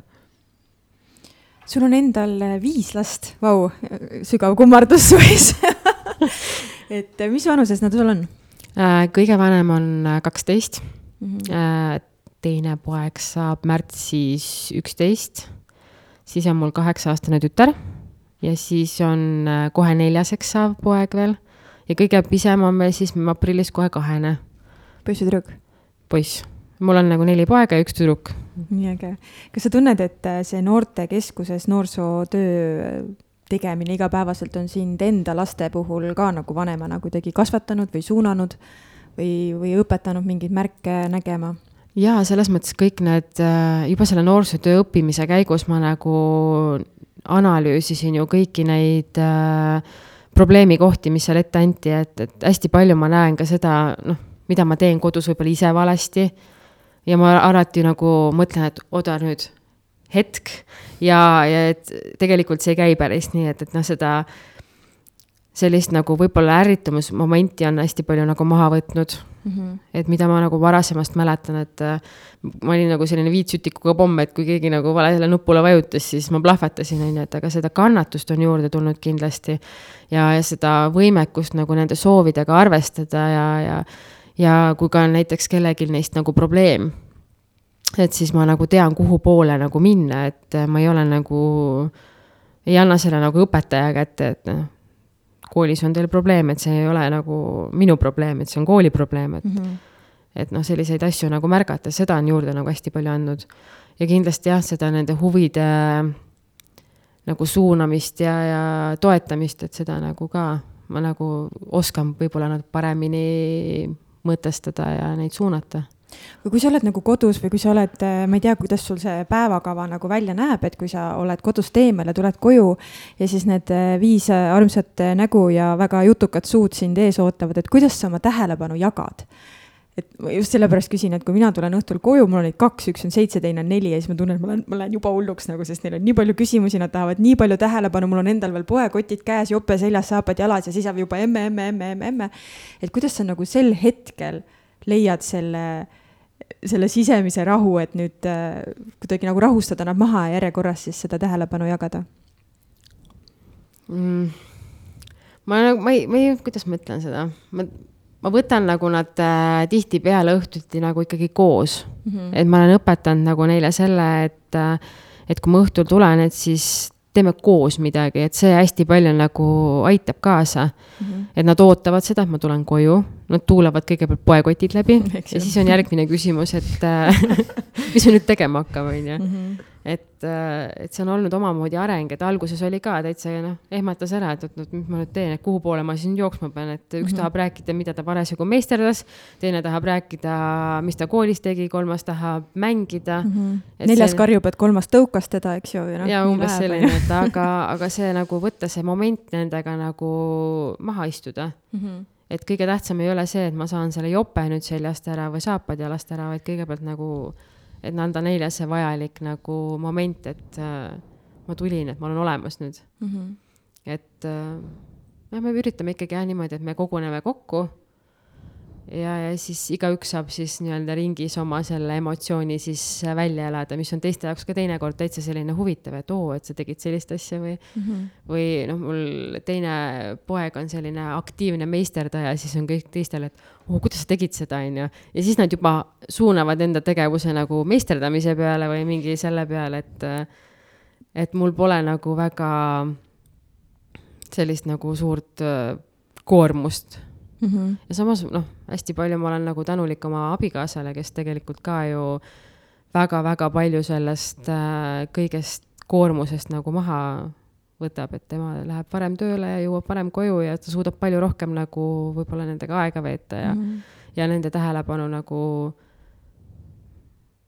tähelepanu vajadust nagu siis äh, rahuldada. rahuldada, jah. aga kuidas sa tunned, vaata öeldakse niimoodi, et äh, kõige suurem elumuutus on siis, kui sa saad ühe lapse või noh, esimese lapse, siis on väga-väga suur muutus, kui sa saad teise lapse, sellepärast et sa pead õppima nüüd oma tähelepanu jagama aga öeldakse, et kui tuleb kolmas või neljas või viies või kaheksas, et siis enam ei ole vahet, sellepärast et sa oled õppinud nagu jagama iseennast ja oma tähelepanu, et kas sa saad kinnitada seda väidet?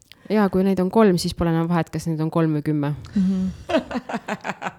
jaa sisuliselt nii on, et tegelikult täna noh, minu korteris on ikka väga-väga palju lapsi tihtipeale, et äh, muidugi nüüd on vähemaks seda aega jäänud, sest et noh, seda Covidit äh, natuke peljatakse mm. -hmm. eks see on kindlasti üks suur murekoht, et aga varasemalt äh, polnud ime, kui mu korteris oli kümme last. et noh. aga Pille, mm, sul on viis last, pluss üle kolmekümne seal veel seal noortekas. aga siis oled ju sina sina kui sina, Pille, ilma lasteta, äh, siis sa oled sõbranna kindlasti kellelegi, äh, sa oled ähm, nii-öelda, kas sa oled abielus? jah. sa oled abikaasa, et kuidas, kuidas sa leiad aega nendele teistele rollidele, mis sul veel on? kuidas sa leiad aega endale, Pillele? ma ei teagi, see tuleb nii iseenesest. tegelikult minu jaoks juba piisab sellest, et ma lähen äh, linna näiteks ütleme, et sõidan Tartusse, mul on vaja seal mingi asi ajada ja see autosõit on juba päris piisav, et ma panen oma muusika lihtsalt niimoodi mängima, et seda kuuleb kaugelt juba, et mina tulen, onju. ja see on juba nagu selline väljaelamise koht, et äh, ma ei tea, see tuleb kuidagi iseenesest, ma ei oskagi seda nagu öelda, kuidas seda niimoodi teha või, või see, selle, selle nagu oskuse peab igaüks endas ise ära tundma ja, ja märkama seda võimekust või kuidagi nagu suunama või ma ei, ma ei teagi, et mina ise seda ei oska nagu niimoodi seletada, et see lihtsalt nagu tuleb iseenesest. aga kas sa tunned, et sa vajad endale aega? tegelikult harva.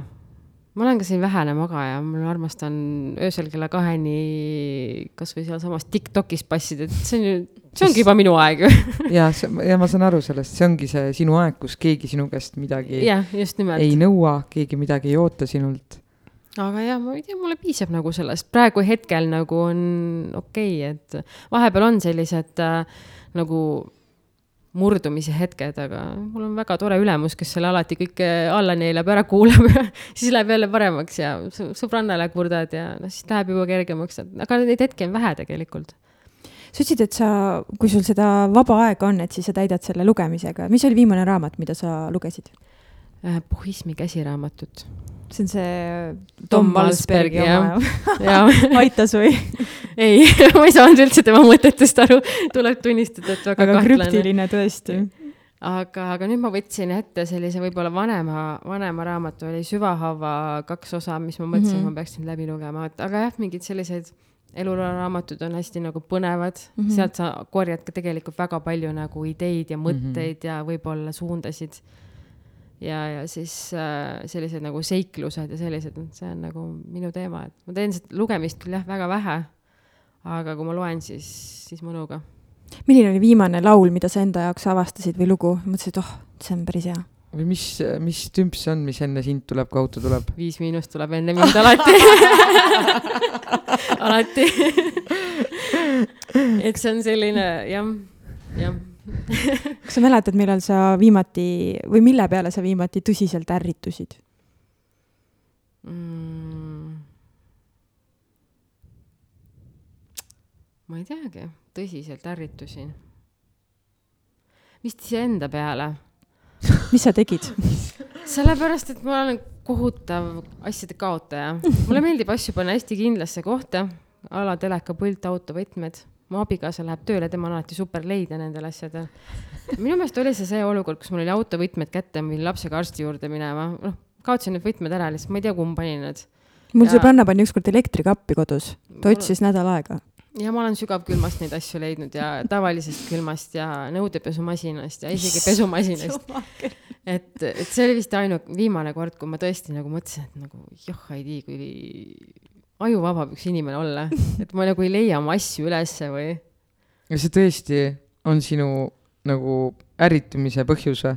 lihtsalt ma mõtlen, kui palju sul on ümber äh, asju, mis võiksid nagu ärritada, et sa, sul on nagu selles mõttes mingil määral nagu vedanud, ma kujutan ette, et mina vist ärritusin, ärrituksin nagu hulga kergemalt.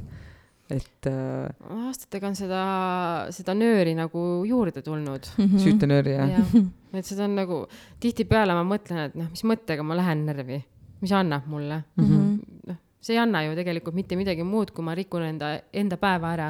see on, see on nii zen mõtlemine, issand, täiega hea. muidugi, sest kõik emotsioonid, mida sa tunned mm, -hmm. sa ju, mina ju tunnen, et teistel on nendest jumala savi Mm. Et mina ise toodan endale, et isegi kui ma olen kellegi teise peale vihane, siis see energia ju tegelikult on minu sees. kõik see ärritumine kandub edasi lastes, see kandub äh, noortekeskuses noortele ja nad tunnevad ära selle, nad, nad lähevad sealt palju kiiremini minema, kui nad näevad, et ma olen tige. aga nagu samas ma mõtlen jah, et milleks nagu minna närvi nagu, ma ei tea. aga millal sa viimati tundsid ennast nagu hästi õnnelikuna? kui mõtlesid, et oh, issand kui hästi, issand kui hästi praegu on, aitäh. Ma ei tea, ma olen iga päev tänulik, iga päeva eest, et ähm, iga hommik ma ärkan nagu tänutundega, et äh,, et mis on olnud eile. ja iga õhtu lähen mõt- tänutundega magama, et, et tegelikult mulle on nii palju antud, mul on nii palju võimalusi. mu ümber on nagu nii palju toetavaid inimesi. et ähm, iga päev tuleb tegelikult selline, minu mõte on see, et, et äh, vähemalt üks kord päevas peab naeratama sest nagu, siis muidu ei ole nagu mingit päeva olnudki ju. et äh, ma ei tea, nii toredad Vau, mõtted. jaa, sa oled täiega inspireerid praegu.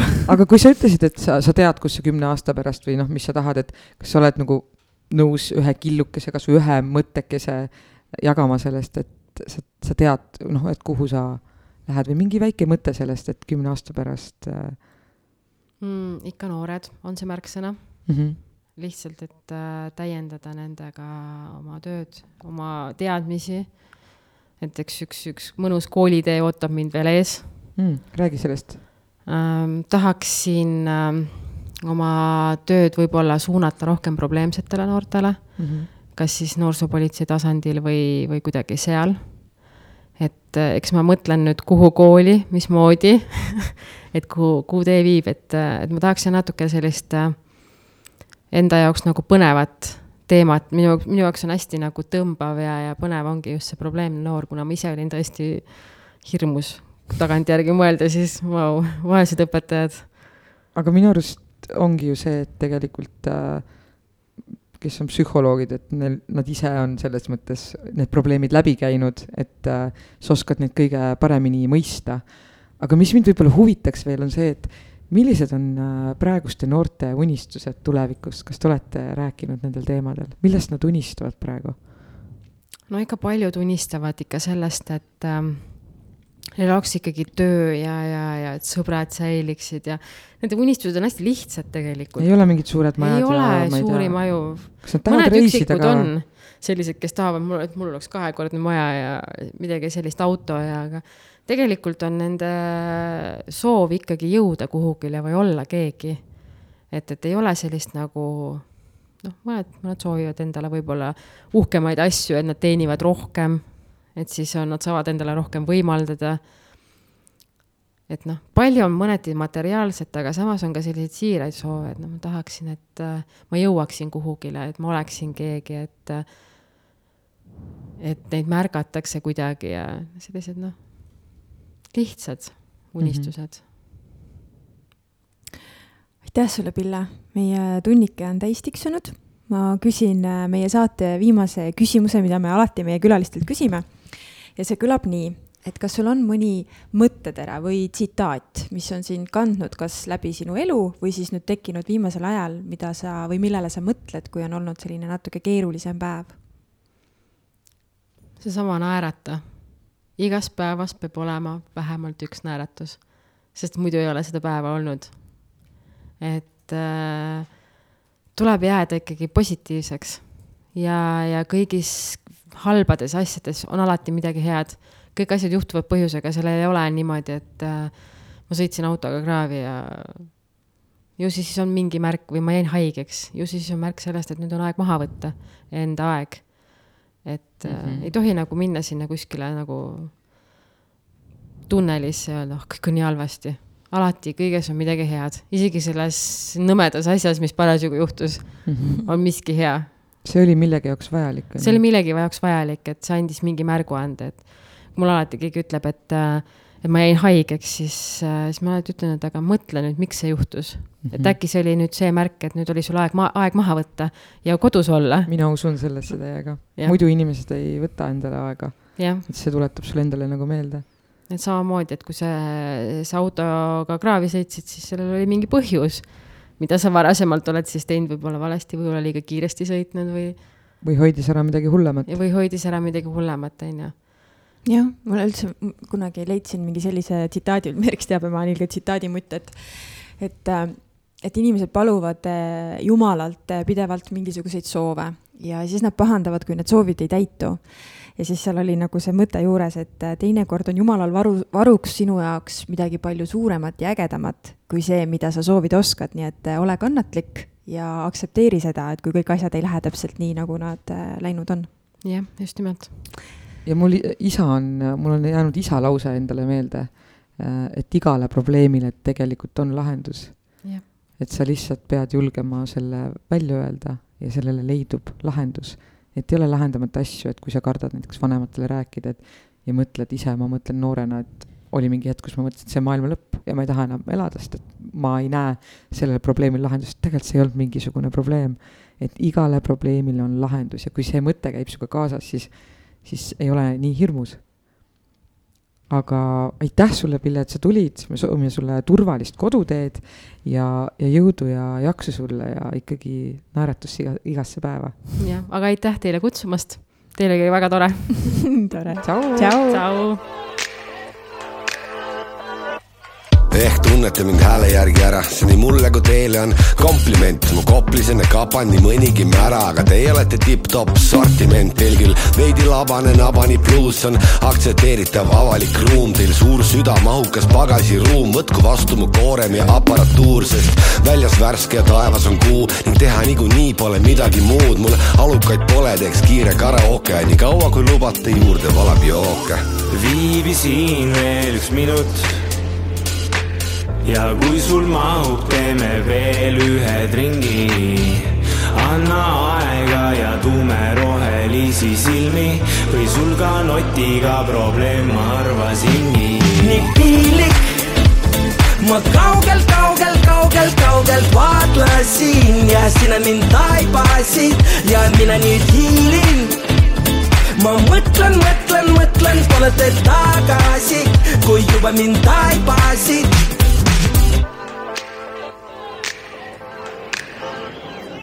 hei, seniorita, sul aega pole viita no nii, äh, Pille on nüüd äh, Puka poole tagasi saadetud oma toimetuste ja noorte juurde väga, väga inspireeriv äh, tunnike oli küll temaga.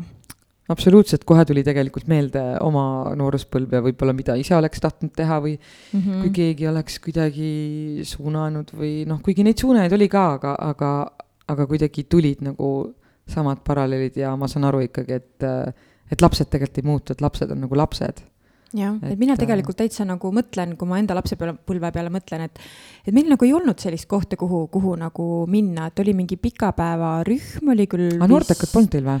tead, ma ei mäleta, et seal Mellistes oleks olnud. et Meil või, võib, võib-olla oli, aga ma ei mäleta, ma mäletan, et me käisime küll alati nagu väga tihti raamatukogus, seal oli hästi tore selline raamatukogu hoidja, kes nagu vahepeal mm Mhm. -hmm. luges muinasjutte ja värki. aga minu meelest sellist kontseptsiooni nagu noortekeskus äh, seal kahe tuhandete alguses nagu vist ei olnud. meil ikka oli noortekeskus, meil oli ka noorteklubi ja mm. meil Mm. oli lausa nagu noorteka näitering ja kõik siuksed asjad. Mhm, et mm, -hmm. et tegevus tegelikult nagu käis päris jõudsalt nagu ja ma olen kindlasti saanud sealt päris palju nagu tulevaseks teekonnaks nagu kaasa mõtteid ja mingit juhtimist või mis iganes. Mhm, et see on tegelikult hästi tänuväärne töö, mida ta teeb ja, ja just see, et, et ta laseb nagu noortel enda ideid teostada, et mis saaks veel nagu parem olla, kui Jaa. noor saab ennast väljendada, et Mm -hmm.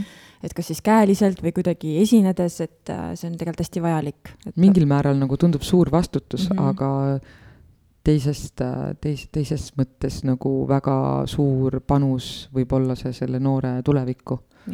et ta leiab ennast nagu, mis talle meeldib, mida talle meeldib teha, mis mõtted, kuidas ta ennast tunneb.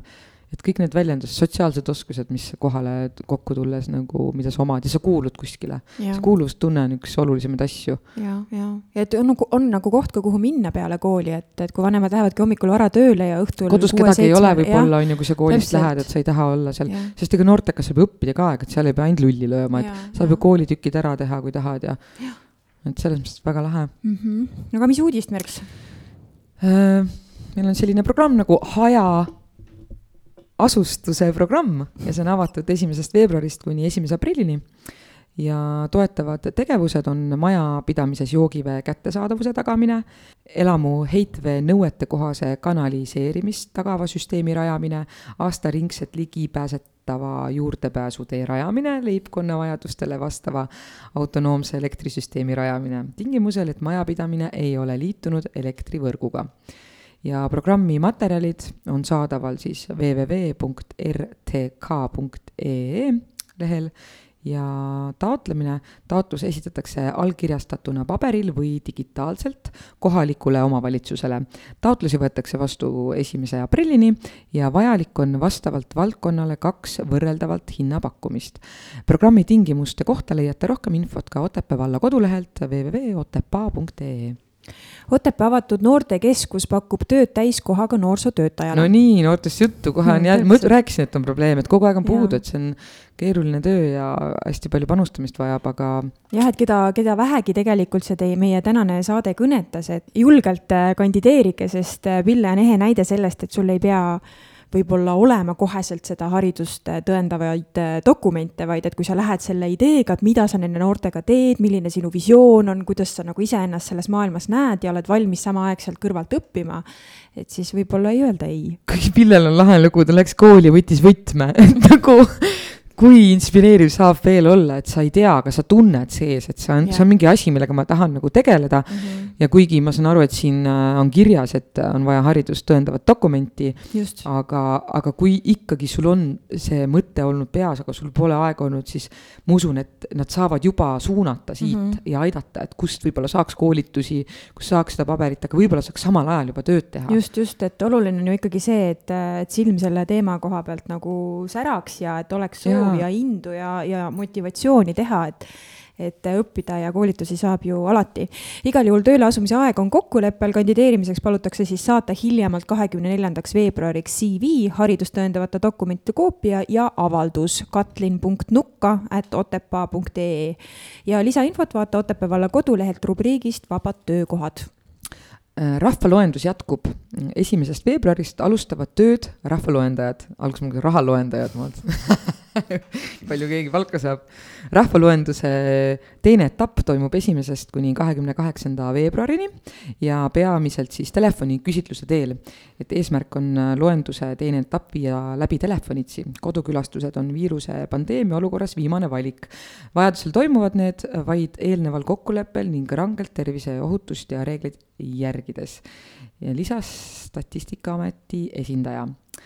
rahvaloenduse e-ankeediga loendati kahekümne teise jaanuari seisuga pea kuussada tuhat inimest.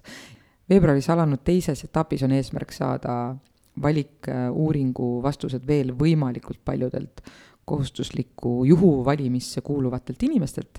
rahvaloenduse tulemusi hakatakse järk-järgult avaldama alates juunist kaks tuhat kakskümmend kaks kuni aasta lõpuni. küsimuste korral saab Statistikaameti klienditoega ühendust telefonil kuus kaks viis üheksa kolm null null alates esimesest veebruarist on Puka kunstikooli direktori asendaja Miia Pallase. Miia Pallase on ka Pühajärve põhikooli direktor ja neljandast kahekümnenda veebruarini toimuvad Hiinas Pekingis taliolümpiamängud. Eesti koondises on ka Otepää spordiklubide esindajaid. Otepää spordiklubidest sõidavad olümpiale Mariel Merli-Pulles karupesa tiimist treener Tanel Ojaste, Martin Himma, ka karupesa tiimist treener Kalju Ojaste, Arti Aigro Otepää Põhjakotkast treener Silver Eljand ja Janne Väetainen.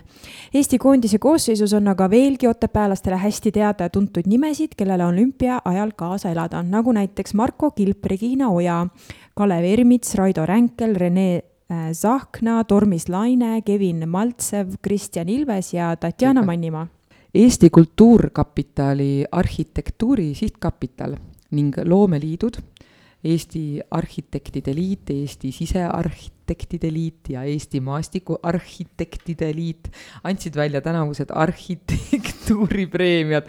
see on nii hea diktsiooniharjutus, millega tunnustati Eesti arhitektuuri valdkonna väljapaistvamaid saavutusi, teoseid ja nende autoreid.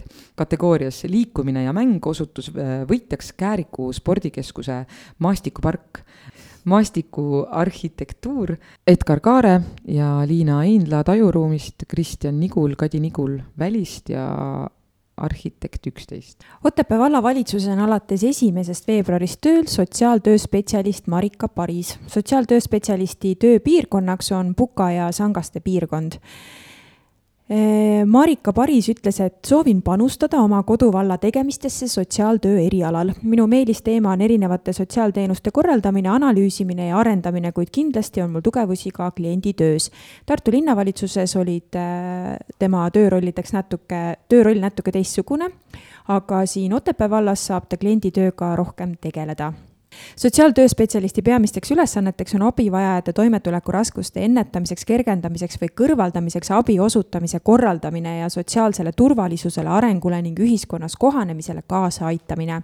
sotsiaaltööspetsialisti kontaktid leiate soovi korral Otepää valla kodulehelt otepaa.ee jaanuarikuu viimasel nädalal tähistas Otepää aedlinna kodanik Aino Visnapuu oma saja esimest sünnipäeva. Vau, vau, vau Aino Visnapuu on põline Otepää piirkonna elanik ja sündinud on ta Ilmjärvel, kus oli suure pere laps. Äh, koroona ohu tõttu ei saanud vallajuhid äh, vanaprouat isiklikult õnnitleda. Otepää vallavolikogu esimees Rein Pullerits ja vallavanem Jaanus Parkala saatsid äh, proua Ainole tähtpäevaks tordi ja lilled no elada ikka saja ühe aastaseks, no uskumatu. tahaksite kohe saatesse kutsuda, aga ei saa nagu koroona õhu tõttu. et äh, nii põnev oleks kuulata, inimene on sada üks aastat elanud. sada aastat näinud seda maailma, mõtle, kui palju ta on mõistnud ja aru saanud ja valusid lahendanud endas ja väga-väga muljetavaldav igal juhul. aga mis meil siis meelelahutus! Meelelahutuses toimub. Väga palju spordisündmusi, nagu Otepääle ikka kohane üheteistkümnendast kolmeteistkümnenda märtsini toimub Tehvandi spordikeskuses Skandinaavian Cup, kontinentaal- ja Skandinaavia karikavõistlused, murdmaasuusatamine. korraldaja Eesti Suusaliit, lisainfo www.suusaliit.ee üheteistkümnendal veebruaril mängitakse Puka kultuurimajas kell kaheksateist null null Lendteatri etendust Mees ja naine. lavastuses käsitletakse humoorikal moel meeste ja naiste suhteid, nende ajuehituse erinevusi ning neist erinevustest tulenevaid erinevaid lähenemisi probleemidele ja omavahelisele suhtlemisele. miks mehed ei saa naistest aru ja miks naised on meeleheitel, et mehed ei taha rääkida, ei pulbitse emotsioonidest ning ei korda neile sada korda päevas, ma armastan sind. laval on Aire Pajur ja Margus Möll, pilet on seitse eurot, sooduspilet viis eurot. lisainfo äh, kultuurikorraldajalt Katrin Uhvertit viis, viis, viis, kolm, kolm, viis, kuus, neli. kahe kaheteistkümnendal veebruaril kell kümme toimub matkamaraton tõukekelkudel. esimese eelistusena Pühajärve jääle rajatud vabariigi pikimal üle kogu järve kaldajoont kopeerival kümne kilomeetri pikkusel lumest lükatud jäämatkarajal. matkamaratonil on osalema oodatud kõik huvilised. kui sellel kuupäeval ei õnnestu järve jääl võistlust läbi viia, toimub see Pühajärve Murrumetsa matka- ja liikumisradadel rajatrajekt-, rajatraktori poolt kinni sõidetud lumel selleks puhuks paigaldatakse kelkude raudjalastele alla plastikust lumejalased. korraldab loodusturism ja infot ja registreerida siis saategi loodusturismi leheküljelt loodusturism.ee kolmeteistkümnendal veebruaril kell üheksa ehk nädal enne neljakümne kaheksandat Tartu maratoni toimub Tartu teatemaraton, mis on suurepärane võimalus pere, ettevõtte või lihtsalt sõpradega koos ühiselt Tartu maratoni kuuekümne kolme kilomeetrine distants läbida.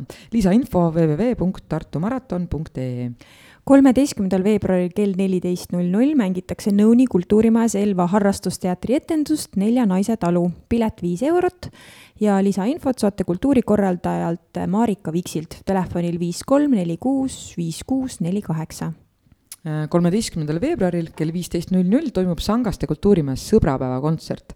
kaunid laulud estraadi varalaekast. esineb estraaditäht Merle Lilje.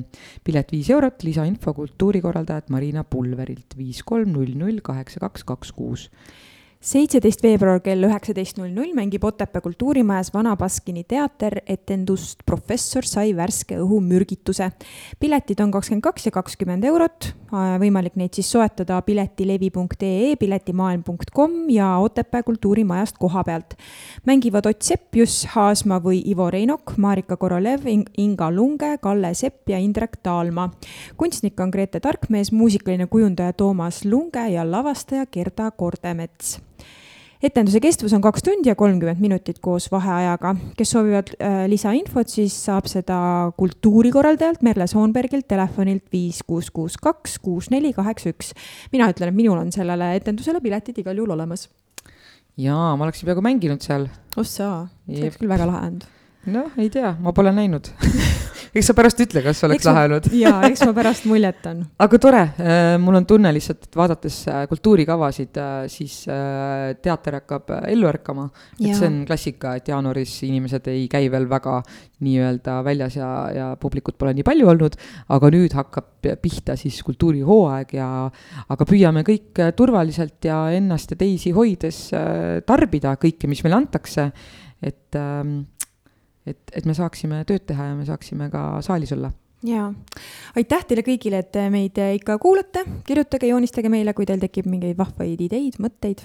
jaa, ja saate meid kuulata samal ajal, kui te lund lükkate. täpselt, või õmblete toas, on ka hea panna taustaks. aga ikkagi siis üks naeratus igasse päeva. täpselt. tšau. tšau.